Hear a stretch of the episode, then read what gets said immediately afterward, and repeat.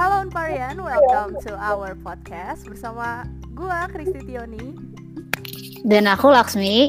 dan hari ini kita akan bersama bercerita seputar BEM Unpar kembali. Nah, Kak Laksmi, ngomong-ngomong nih, kan kita udah memasuki new normal, tapi seharusnya Unparian tuh tetap produktif gak sih Kak? Setuju banget sih. Iya, apalagi nih di masa-masa new normal saat ini, harusnya para unparian itu lebih mengembangkan minat dan potensi yang mereka miliki.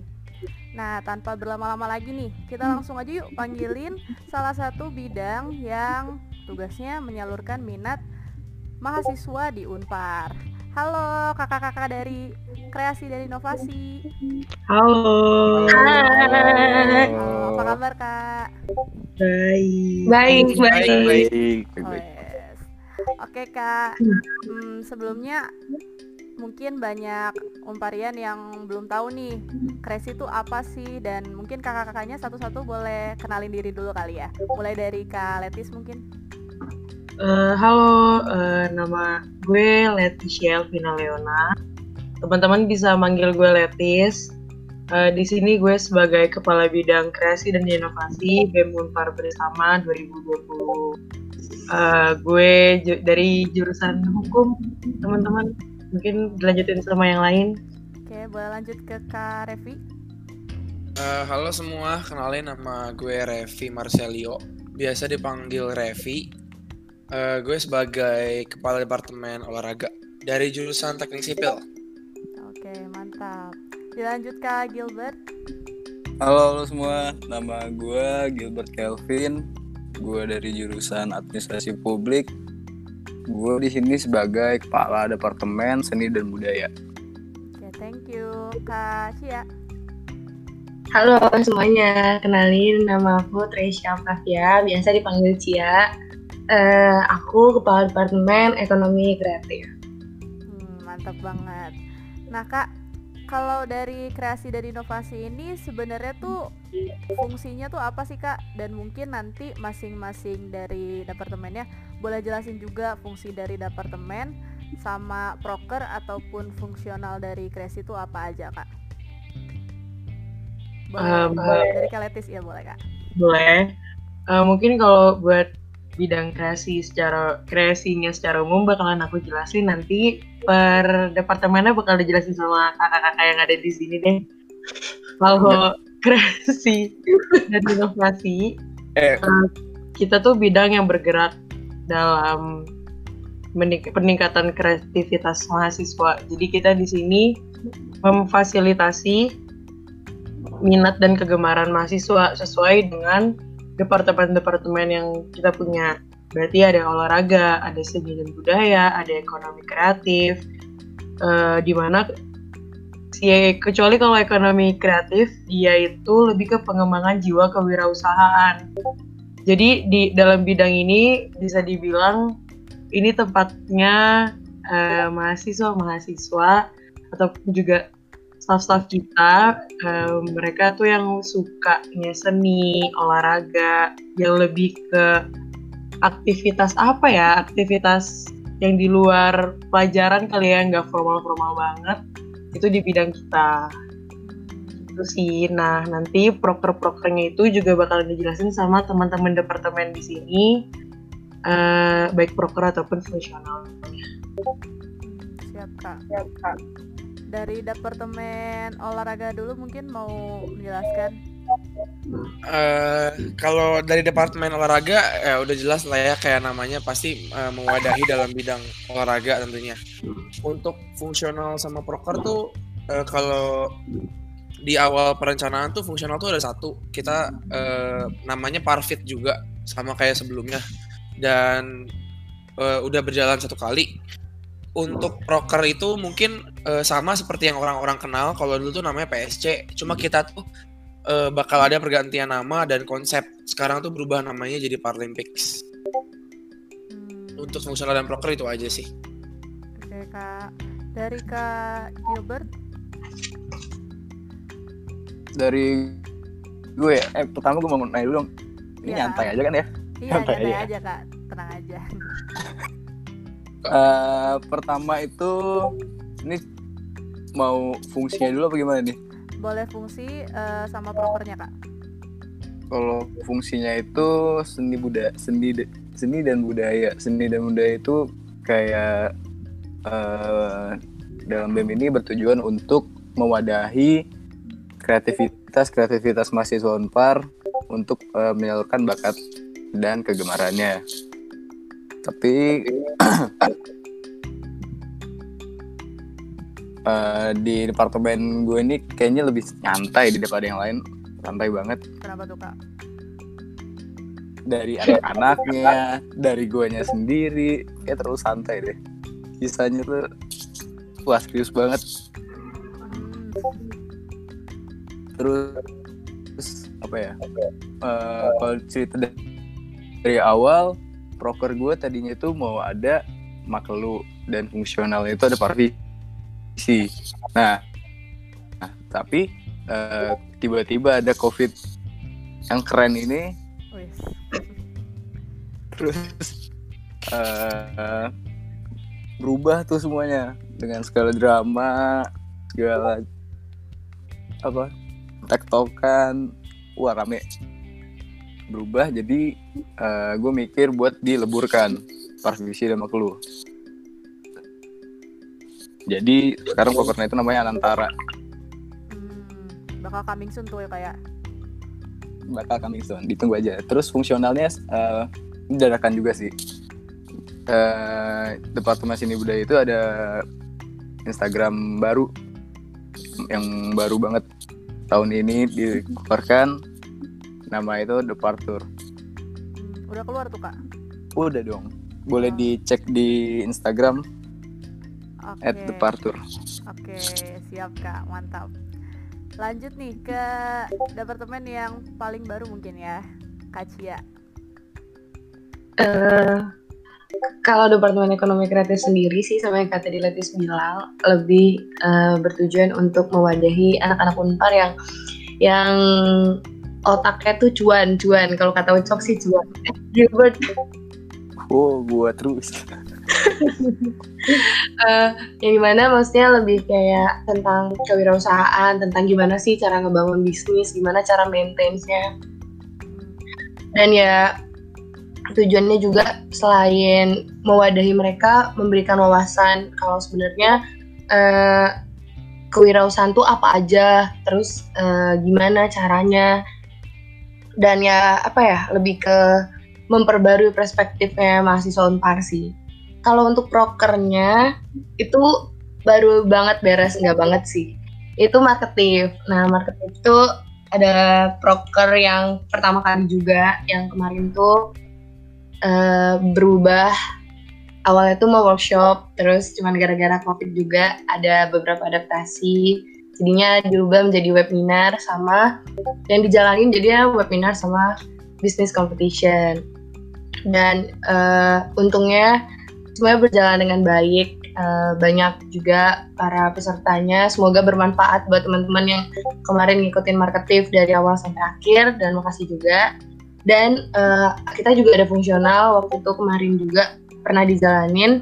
Itu nama fungsionalnya eh mana? Apa ya namanya? Oh creative runner creative runner nah itu tuh berisi tentang kita ngebantuin eh, mahasiswa unpar yang punya bisnis untuk kita promosiin di GB, di IG BEM jadi saling ngebantu lah memperkenalkan ke anak-anak unpar juga. Kayak gitu sih. Nah, selanjutnya pengen tahu nih, gimana Kresi bisa mengetahui banyaknya minat mahasiswa Unpar di bidang olahraga, seni, dan ekonomi? Mungkin bisa dijawab dulu sama Letis. Em, gimana caranya kita sorry tadi pertanyaannya gimana caranya kita tahu Minat tentang mahasiswa Unpar.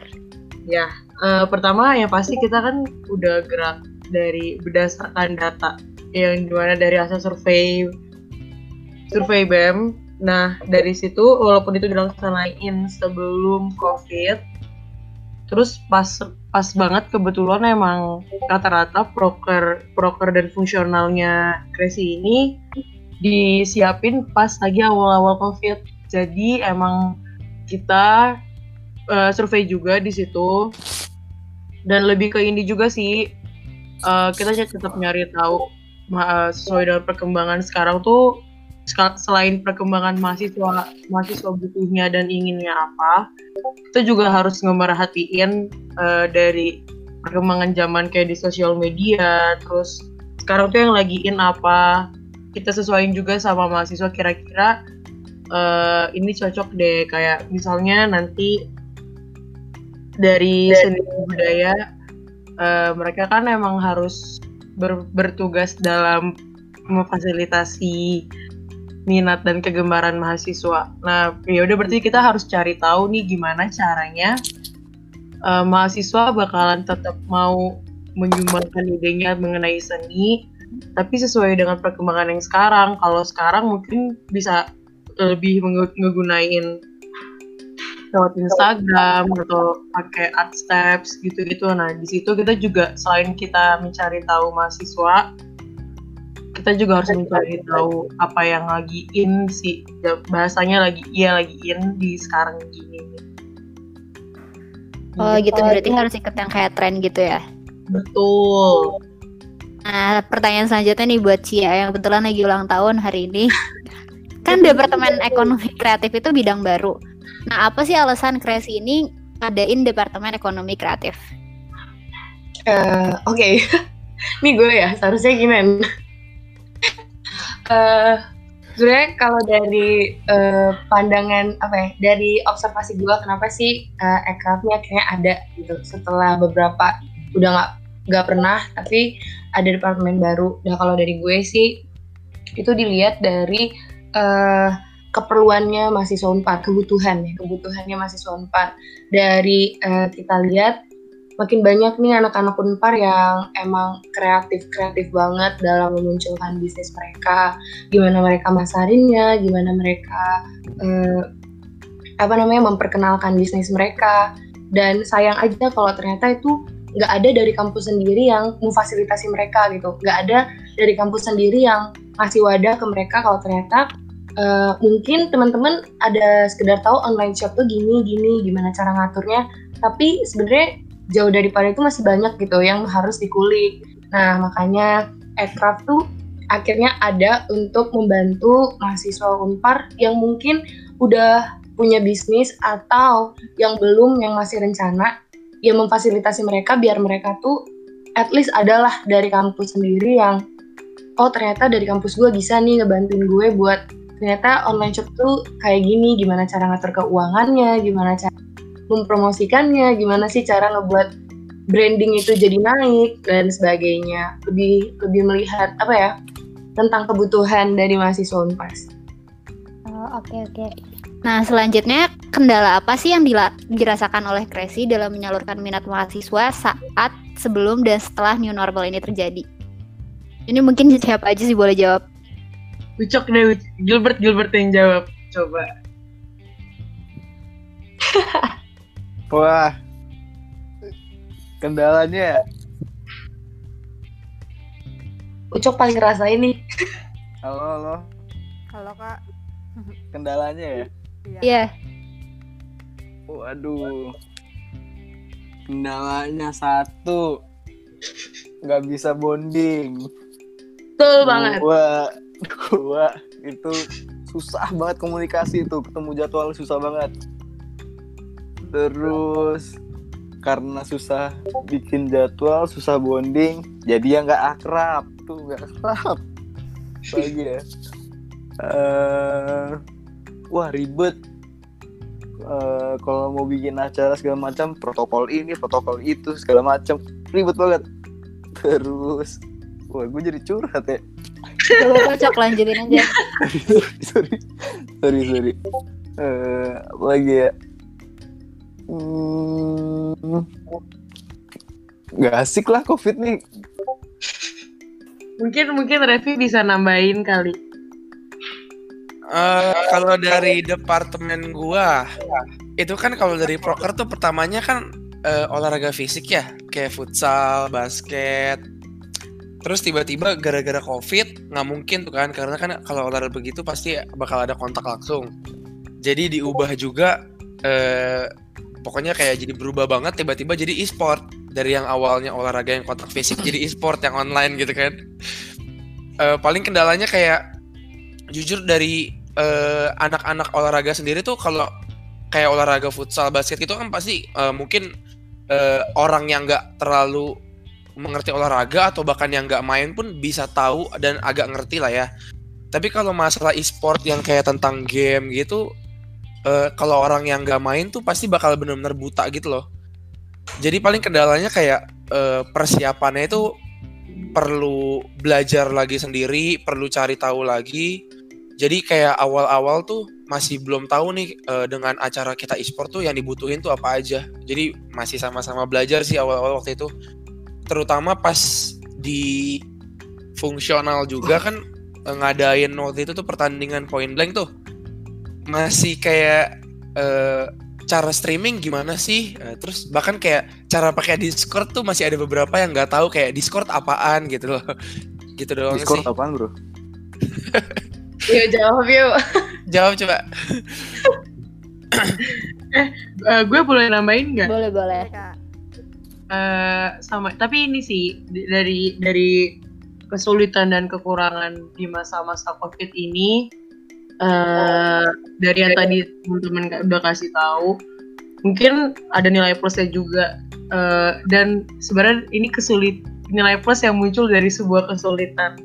Kan kenapa? Karena di kondisi kayak gini kayak yang tadi dibilang kita sulit kan untuk berkomunikasi sama orang.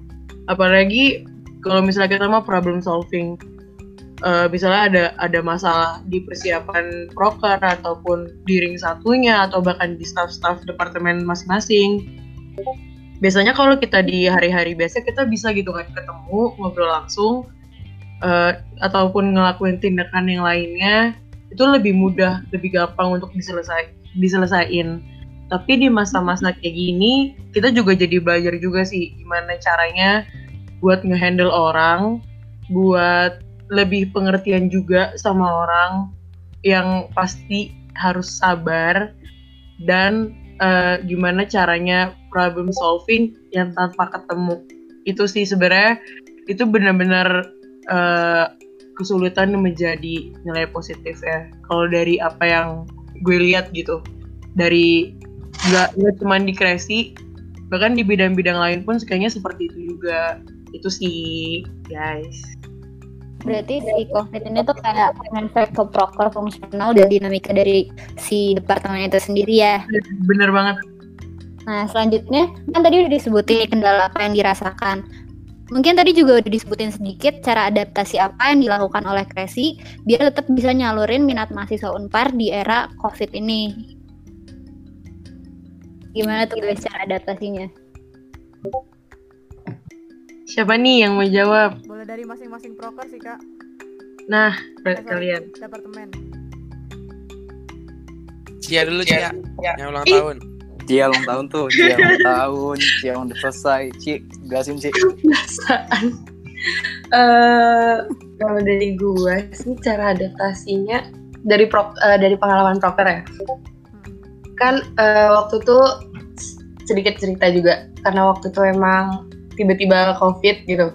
Kayaknya proker gue tuh adalah proker yang melewati on offline iya, online juga iya gitu. Jadi kayak kena dua-duanya. Cuman ya waktu itu pas emang pas karena kayak gitu akhirnya eh dari ring satu market itu juga sama-sama mikir sih maksudnya gimana caranya nih eh, ngelakuin yang tadinya workshop juga harusnya ada tapi diganti dengan webinar-webinar yang ada tapi ya tetap menarik lebih ke apa ya lebih ke adaptasinya tuh lebih ke bukan bingung gue cara ngomongnya gimana. Sorry guys. Santai kak. Eh, gimana cara lebih ke gimana kita bisa apa ya ngebaca sih. Maksudnya eh, banyak hal yang bisa dilakuin tapi ada hal yang emang itu efektif untuk dilakuin gitu. Kayak contohnya nih kalau proker aku tuh sebenarnya eh, tadinya tuh fokusnya ke mahasiswa unpar cuman kalau untuk webinar kayak gini kan sayang kayak cuman ma masyarakat eh masyarakat pasarnya cuman mahasiswa unpar jadi eh, kita buka untuk umum. Ada beberapa waktu itu webinar yang emang umum gitu. Jadi kayak apa ya, lebih ke gimana kita bisa milih eh, media-media apa aja yang kita gunain untuk kita nyalurin apa yang mau kita kasih gitu. Kayak misalnya kalau dari aku tuh uh, ya webinar terus bisnis bisnis competition terus sempat ada yang tadi Letis bilang juga ada art steps yang bakal dicobain sama seni budaya seni dan budaya juga. Jadi uh, apa ya lebih ke research sih. Pentingnya kita tuh cari-cari hal yang bisa yang cocok untuk proker kita gitu jadi nggak cuman asal oh ini pada webinar semuanya ikutan webinar padahal belum tentu nih proker proker atau departemen gue cocok sama itu kayak gitu sih Oh, mungkin ada lagi yang mau nambahin dari yang lain? Hmm, Gilbert, kalau Gilbert. kalau dari kalau dari seni budaya eh, banyak hal baru sih buat beradaptasi. Contohnya buat penggunaan sosial media dalam eh, menyalurkan apa itu seni, apa itu kayak kebudayaan segala macem. Sampai akhirnya yang tadi sempat gue bilang itu ada departur kan, Eh, Instagramnya departur, Instagramnya seni budaya. Nah itu menurut gue termasuk adaptasi sih buat menyalurkan eh, informasi. Terus eh, kita jadi berkreasi juga. eh buat, yang mengenal hal baru tuh kayak art steps yang tadi Dicia bilang juga. Itu hal baru menurut gua dan anak-anak gua. Itu kita bisa ini sih beradaptasi buat itu kan kayak art step tuh gambarannya kayak ada art exhibition tapi secara virtual. Itu art, art step tuh nah di situ kita bisa menyalurkan ini sih eh, karya-karya mahasiswa karya-karya kita sendiri. Terus kayak cara bonding dari apa departemen seni budaya sendiri gue dan anak-anak gue jadi anak-anak gue tuh punya inisiatif buat kayak bikin Netflix and chill bareng gitu. Jadi kadang eh, habis rapat rapat rapat ah ngapain nih ngapain nih ngapain nih? Eh, Netflix yuk. Ayo. Eh, kalau dari olahraga sih tadi sebenarnya udah disebutin ya. Dari yang awalnya olahraga yang kontak fisik kayak futsal, basket. Terus kan eh, dengan olahraga begitu kan kayak orang yang beda jurusan, beda fakultas itu kan bisa interaksi, komunikasi secara langsung ya. Cuma akhirnya berubah haluan karena penyesuaian ada pandemi sekarang terus dibuat jadi acara kompetisi e-sport sebenarnya tujuannya sama sih kayak eh, dengan kompet- eh, dibuat kompetisi e-sport itu tuh eh, kita mau bikin juga kayak eh, sekarang tuh acara antar jurusan jadi ada komunikasi dan relasi juga eh, apa tiap tiap tiap orang antar jurusan lah. Karena kalau dengan e-sport ini tuh e-sport ini tuh eh, walaupun nggak semua orang tahu tapi eh, untuk kegiatan online tuh harusnya bakal cukup ada banyak peminat lah gitu ya. Eh terus apa ya kalau dari komunikasi tuh eh, mungkin anak-anak olahraga tuh sebenarnya jujur aja eh, tipe-tipe orangnya tuh yang lebih seru atau lebih enak kalau diajak ngomong atau ngobrol secara langsung ya kayak asik lah. Terus gara-gara pandemi sekarang juga komunikasi kan harus berubah harus kayak misalnya lewat media sosial, lewat line. Banyak banget orang-orang yang eh, gara-gara sekarang tuh jadi kayak bikin kesibukan sendiri, punya kesibukan sendiri. Mereka nemuin hal-hal baru juga. Jadi eh, dilatih lagi sih kayak belajar komunikasi lagi tanpa face to face. Cuma dengan begitu positifnya juga banyak orang yang menemukan kegiatan-kegiatan baru sih. Begitu aja. Oke. Nah, sekarang aku mungkin mau lanjut nih ke selama mau nanya-nanya tentang seputar sistem online nih, Kak. Eh, aku mau nanya Kak Letis dong. Proker dan kegiatan apa aja sih yang sudah berjalan sebelum atau selama new normal atau bahkan yang akan direncanain sama kelas itu apa sih, Kak? Em, sebelum new normal, eh sebelum covid kita gak ada, belum belum terlaksana. Belum ya, Kak? Kalau proker yang udah terlaksana itu udah ada perayangan marketing. Itu dari itu udah lima kali webinar ya bener gak sih Ci lima kali Iya benar lima kali. lima kali webinar dan lomba bisnis satu kali. Eh, terus udah ada yang kreatif planner itu yang promosi bisnis unpar terus dari seni dan budaya yang akan datang itu nanti Anantara Project. Ditunggu ya teman-teman. Kalian semua harus ikut dan harus pantengin Instagram Anantara. Dan eh, yang yang udah terlaksana itu ada eh, Instagram Departure itu mereka udah ngupload konten, udah mulai upload upload konten. Em, terus dari olahraga udah yang udah terlaksana itu parfit. Eh, tapi kemarin itu parfitnya itu eh, satu satu game aja itu point blank bener kan Kev? Iya, betul betul. Nah di point blank itu eh, mereka itu sistemnya kemarin eh, main main-main aja maksudnya kayak main untuk seneng-seneng aja eh, nggak ada hadiah atau gimana. Eh, tapi kita di situ open donasi buat COVID. Nanti itu itu tuh disumbangin ke Unpar Fights COVID. Dan yang akan coming soon-nya itu Paralympics. Itu kompetisi e-sports antar jurusan itu di bulan depan, bulan November akhir. Gitu deh. Mantap. Lanjut nih kak, aku mau nanya ke departemen olahraga dulu kali ya. Boleh. Tadi sempet di mention tentang parfit. Nah, boleh diceritain dong kak tentang parfit itu apa sih sebenarnya dan yang udah dilakuin dari parfit itu apa? Sistemnya mungkin gimana? Terus untuk rencananya ke depan mau ngapain aja sih kak? Eh, kalau dari Parfit itu eh, mungkin ceritain dari sebelumnya dulu kali ya. Boleh kak? Sebelumnya tuh Parfit tuh sebenarnya mau dibikin Parfit volume 1 waktu itu tuh Mobile Legends ya. Eh, jadi kita tuh mau bikin tandingnya tuh di Unpar. Kita mau bikin eh, buka pendaftarannya tuh buat umum, tapi kita ada di Unpar. Waktu itu sebenarnya udah dapat tanggal, udah jadi desain poster, eh, udah buka pendaftaran juga bahkan udah dapat tempatnya juga di Unpar di mana waktu itu di mau di kantin FE. Nah, tapi tiba-tiba kan Maret Maret April ya pokoknya pas lagi UTS tuh di online nih tiba-tiba gara-gara pandemi. Jadi kita juga bikin pengumuman ulang kalau acara tersebut eh, dengan sangat terpaksa di cancel gitu kan. Nah terus eh, jujur aja sebenarnya waktu setelah itu di cancel tuh nggak kepikiran kayak kita mau bikin parfit apa gitu ya.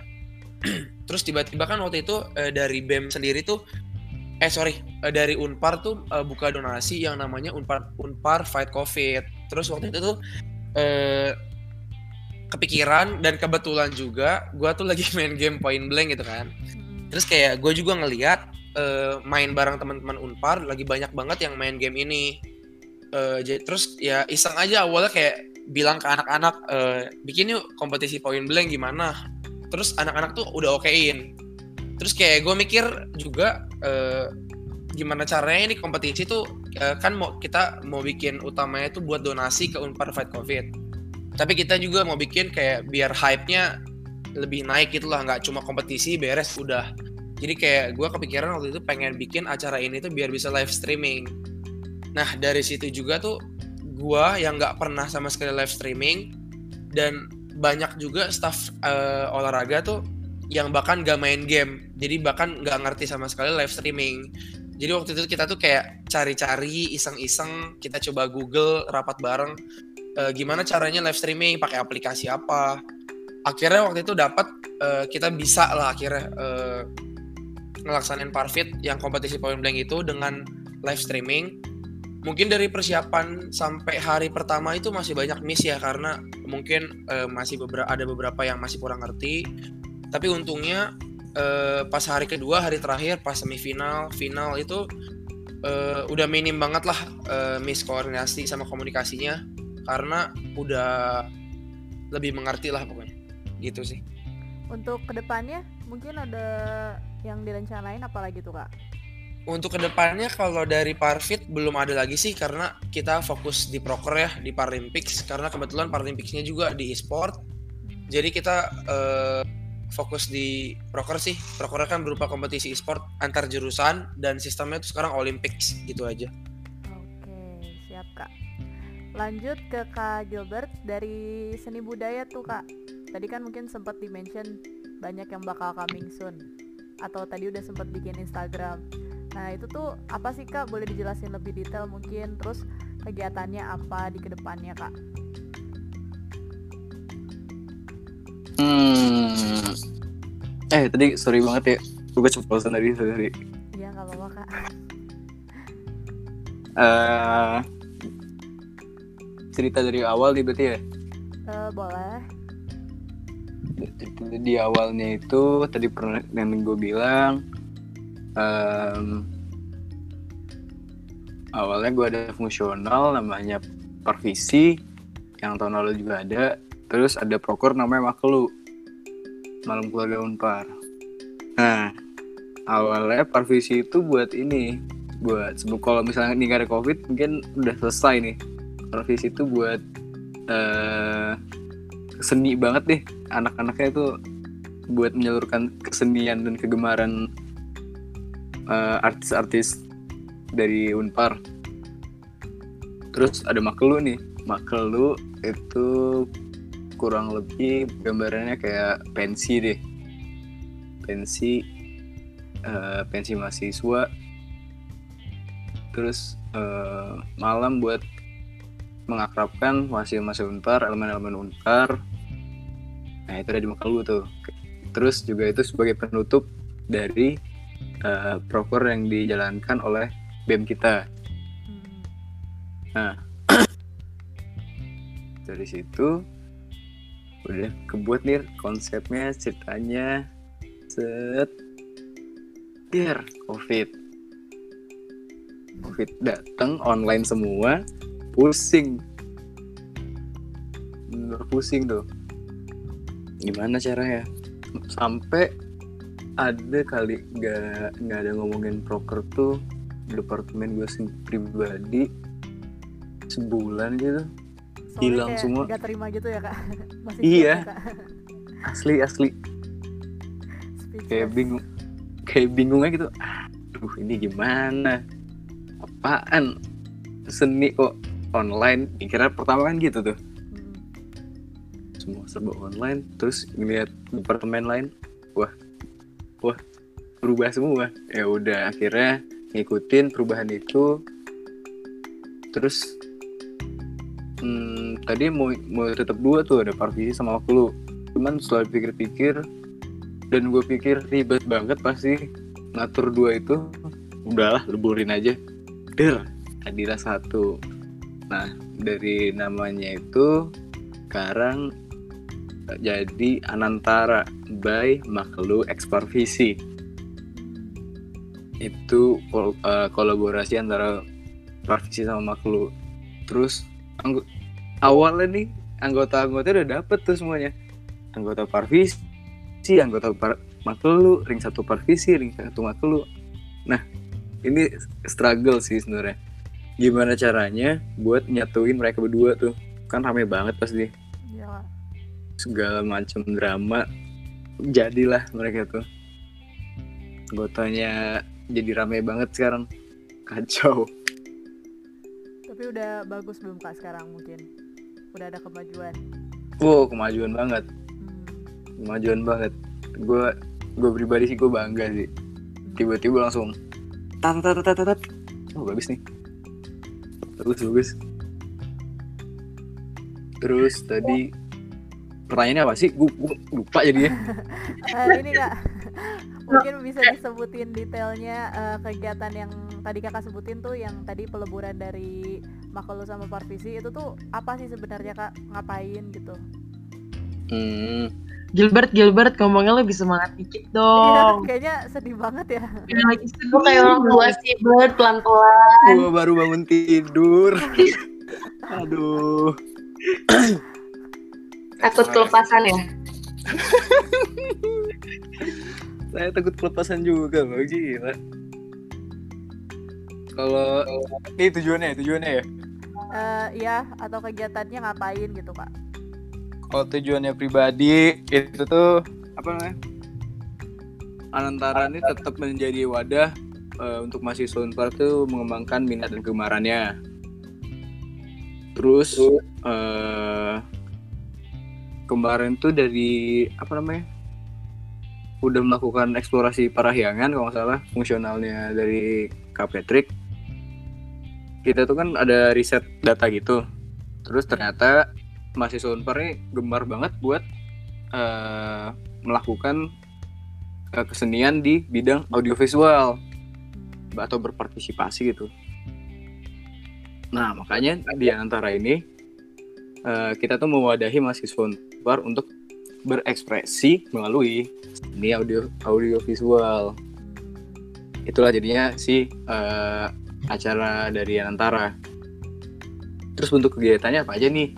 Bentuk kegiatannya itu ada workshop, ada pensinya, nanti ada webinar, terus ada showcase, kayak gitu sih. Oke kak, semangat ya kak. Semoga. Wah, semangat banget, thank you banget nih, gila. Iya.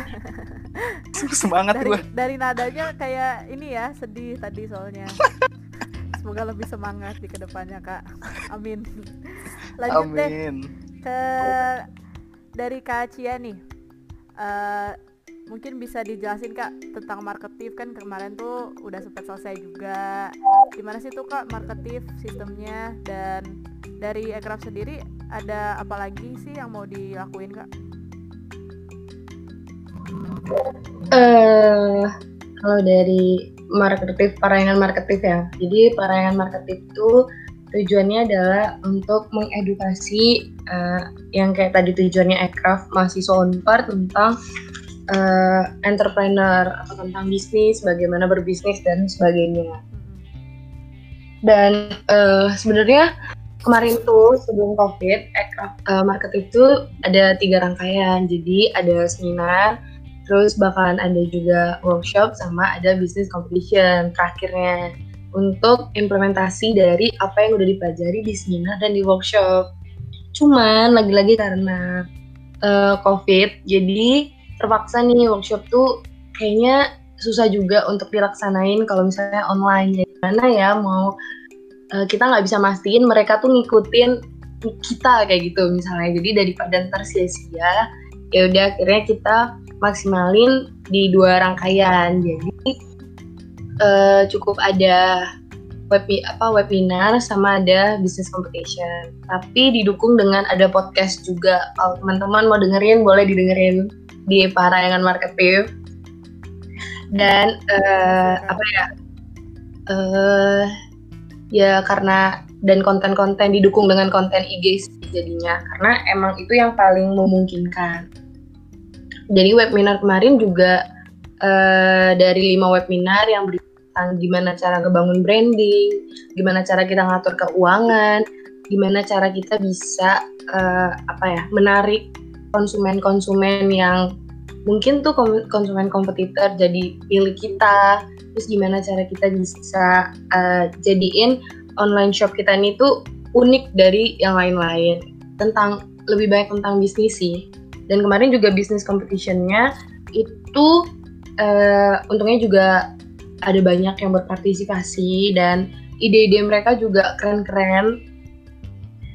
Uh, itu lebih ke apa ya temanya tuh kemarin general sih lebih gimana cara mereka bisa mengeksplor apa aja nggak ber nggak berfokus ke satu tujuan kayak misalnya te, uh, makanan enggak tapi ya emang apa yang mau mereka bawain aja gitu karena ya di situ kita pengen ngeliat nih sebenarnya dan terbukti sih maksudnya mahasiswa Unpar tuh uh, apa pun itu kayak bisa aja dijadiin bisnis gitu bisa aja dijadiin sesuatu yang yang kayak kemarin tuh yang menurut gue cukup berkesan. Uh, apa ya pokoknya tuh tentang pakaian pakaian adat bukan adat juga sih adat ya ya adat deh kayaknya. Gue lupa pokoknya mereka uh, mereka tuh pengen ngebantu orang-orang yang ada di desa itu tapi juga pengen memperkenalkan pakaiannya gitu. Maksudnya kayak dari dua sisi tuh bisa mereka jadiin satu di bisnis competition tuh keren sih menurut gue. Dan uh, rencana ke depannya untuk aircraft karena emang mereka lagi istirahat ya kan? Karena aircraft ini panjang banget dah perjalanannya parangan market TV jadi kayak uh, kayak mungkin sempat beberapa hari, uh, minggu kemarin tuh istirahat. Nah kalau dari gue sendiri rencananya awal-awal tuh pengen banget nih ngundang Wisnu Tama, cuman kita belum tahu gimana cara apa ya. Cuman kemarin sempat uh, sempat nggak jadi. Nah nggak tahu sih ke depannya rencananya sih pengen tetap ngundang dia mungkin di webinar atau apa atau mungkin ada beberapa belum sempat rapat juga jadi uh, berharapnya sih bisa diundang entah dia webinar atau podcast atau apa deh segalanya. Jadi rencananya sih masih itu doang belum gimana gimana lagi. Nah selanjutnya kita bakal masuk ke kesimpulan nih.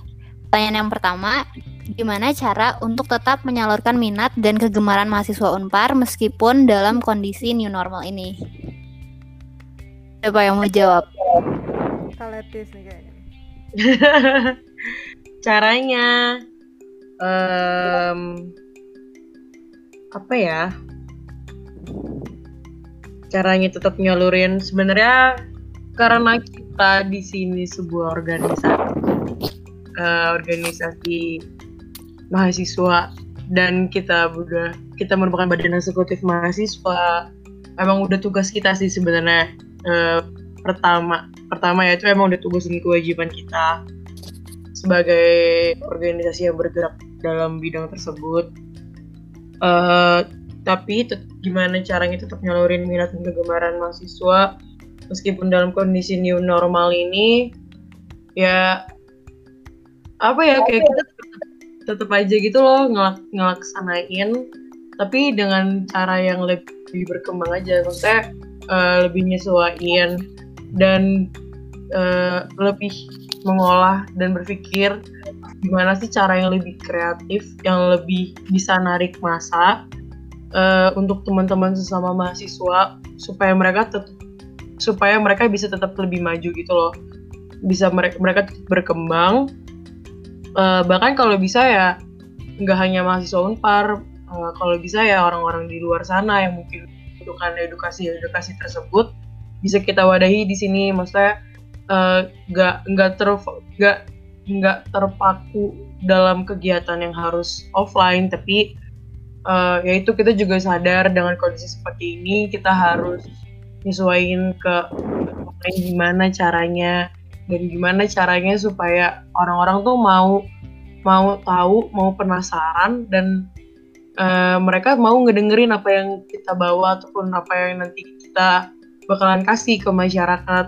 Kayak gitu sih itu kita lebih lebih ini juga muterin gimana cara publikasinya supaya teman-teman tuh yang uh, supaya orang-orang yang ingin kita sampaikan materinya itu yang kita ingin tersampaikan materinya itu dapat apa dari apa yang kita maksud gitu loh ngerti gak sih kayak ya kayak. Mungkin dari teman-teman lain ada yang mau nambahin iya iya ya, cukup cukup Oke, nah ini terakhir nih. Mungkin ada yang mau nyampein kesan pesan atau apa aja buat mahasiswa Unpar ataupun stafnya boleh disampaikan sekarang. Mungkin dari Cia dulu deh.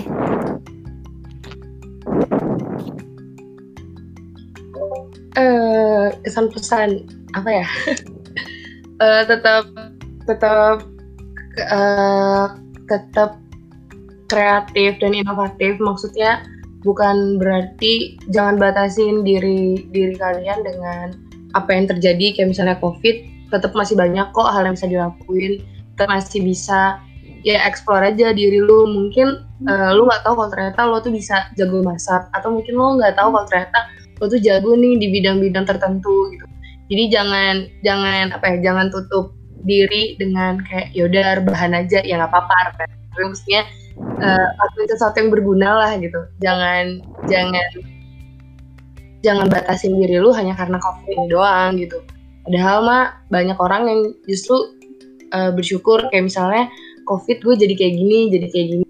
Jadi uh, karena emang ini juga bidangnya kreasi dan inovasi maksudnya kayak selagi ada kesempatan ya ikutin aja ya, kalau emang lo bisa dan sanggup gitu dan gue percaya sebenarnya kayak eh, apa yang lo lakuin sekarang yang baik tuh pasti ke depannya juga bakal berbuah yang baik semangat guys Nah, teman-teman. Nah, selanjutnya ada lagi nih yang mau ngasih eh, kesan pesan. Eh, dari gue boleh deh. Boleh. Eh, yang pertama nggak beda jauh sih dari Cia. Eh, jangan bikin keadaan pandemi ini bu- eh, ngebatasin kegiatan-kegiatan kalian. Kalian bisa melakukan hal-hal baru walaupun dari rumah atau secara online. Terus, aduh sorry. Eh, jangan lupa olahraga buat naikin apa imun tubuh. Eh, jujur gue dari jurusan teknik sipil tuh banyak banget gue ngeliat teman-teman gue itu jarang banget olahraga ya. Walaupun sebenarnya kita semua tuh tahu olahraga itu penting. Tapi orang-orang tuh masih banyak yang terlalu mentingin akademik dan nggak eh, hidupnya tuh nggak seimbang lah. Jadi eh, dengan keadaan online begini sebenarnya nggak ada lagi halangan atau alasan untuk eh, gue nggak punya waktu nih olahraga gue nggak bisa olahraga sibuk ini itu. Justru dengan keadaan gini kalian tuh harus bisa eh, mempersehat tubuh lah. Supaya eh, ketika lagi begini tuh hidupnya aman-aman aja gitu. Udah segitu aja sih. Oke, selanjutnya mungkin Gilbert mau nyampein kesan pesan. Aduh. Gue mau ngebantah review dulu dikit nih. Apaan? Boleh, boleh. Gila. Bro, kelas bro. Susah olahraga. Bisa olahraga. Kelas cuma di rumah sambil rebahan habis itu olahraga. Gak bisa bro. Kalau dari gua, ini pesan buat anak-anak ya. Iya kak. Hmm, semangat dong cok semangat Masih vibe sedih ya. kalau buat anak-anak, semangat pasti. Terus hmm, selalu ningkatin yang namanya kreativitas. Kadang kreativitas juga muncul dari ketika kita lagi terdesak gitu. Kayak sekarang kita lagi terdesak ibaratnya karena covid ini muncul tuh kreatif kreativitas baru. Terus hmm, buat anak-anak departemen seni dan budaya eh, semangat gua itu nggak bakal pernah redup buat kalian yang sedang berjuang. Buat kalian yang selalu berusaha buat nyenengin pribadi gue pribadi. Wah Sedih banget sih. Gila sih gue banget gitu. Kayak mau perpisahan. iya sedih banget ya. Aduh anjir aduh loncat lagi sorry sorry. Jadi aja belum cok, udah mau berpisah. Aduh, waduh. Iya sih kalau dari gue tadi udah disampaikan sama kakak-kakak lainnya buat selalu tetap berkreatif selalu tetap semangat selalu menjadi diri sendiri sih. Keren banget meskipun agak sedih ya. gue mau nemenin dong. Oke, boleh tes. Eh, sama ini sih kalau tadi kan teman-teman lebih ke semangat. Maksudnya jangan jangan berhenti di titik yang sama. Itu gue setuju. Eh, tapi jangan lupa juga buat siapa pun teman-teman eh, di saat kalian capek ya kalian istirahat. Jangan terlalu memaksain apa yang apa yang harusnya kayak gue harus ini gue harus itu tapi kayak di satu titik lo capek. Nah itu tuh kayak lu nggak usah maksain gitu loh. Karena di saat lo maksain sesuatu eh, kadang tuh hasilnya juga jadinya nggak maksimal. Karena lo terlalu terlalu runyam dalam pikiran lo sendiri dan ambisi lo sendiri sampai akhirnya lo lupa tujuan pertama lo tuh apa. Jadi kayak jadi kayak ya udah lo jalanin tapi lo juga mesti ingat dan sayang juga sama diri lo sendiri Eh, juga dan teman-teman di luar sana jangan lupa untuk stay safe buat makan-makan sehat jangan sampai sakit sama buat mahasiswa-mahasiswa em, ba- jangan ini sih eh, jangan berkecil hati semoga pengharapan kita kuliah offline masih ada. Semoga. Amin. Amin. Bosen banget sih kayak gini terus gue sih bosen, Bosen banget. banget sih. Dan dan apa ya? Dan ya jangan juga lupain teman-teman lo, teman-teman kuliah. Saya tetap keep in touch juga. Gitu sih. Oke, ada lagi yang mau nambahin atau udah Dari gue cukup. cukup ya? Dari gua podcast ini keren harusnya. Gue ngomong segitu aja serem banget, serem banget ya, Cok. Iya, Ujo kayak sedih banget. Kenapa Buat sih? yang 2017 yang udah mau lulus pasti sedih banget sih. Wah, Sedih banget sumpah. Wisuda online. sepertinya Jangan aku masih wisuda jangan lama. online lah. Hmm. Kapan? Gue sih offline, Re. Santai aja. Lu mau bareng gue. Enggak, gue gak mau lima tahun, Cok. Aduh, ngakak. Nah, makasih nih teman-teman Crazy udah datang ke podcast bersama bercerita kita eh, di episode yang ini. Semoga bisa dapat teman-teman yang denger bisa dapat kayak pelajaran dari gimana kita harus tetap bisa berinovasi di masa-masa pandemik ini. Makasih banyak Gilbert, Letis, Revi sama Cia udah mau meluangkan waktunya buat datang ke podcast ini. Sampai jumpa lagi di podcast selanjutnya. Bye. Bye-bye. Aduh. Makasih guys. Terima kasih.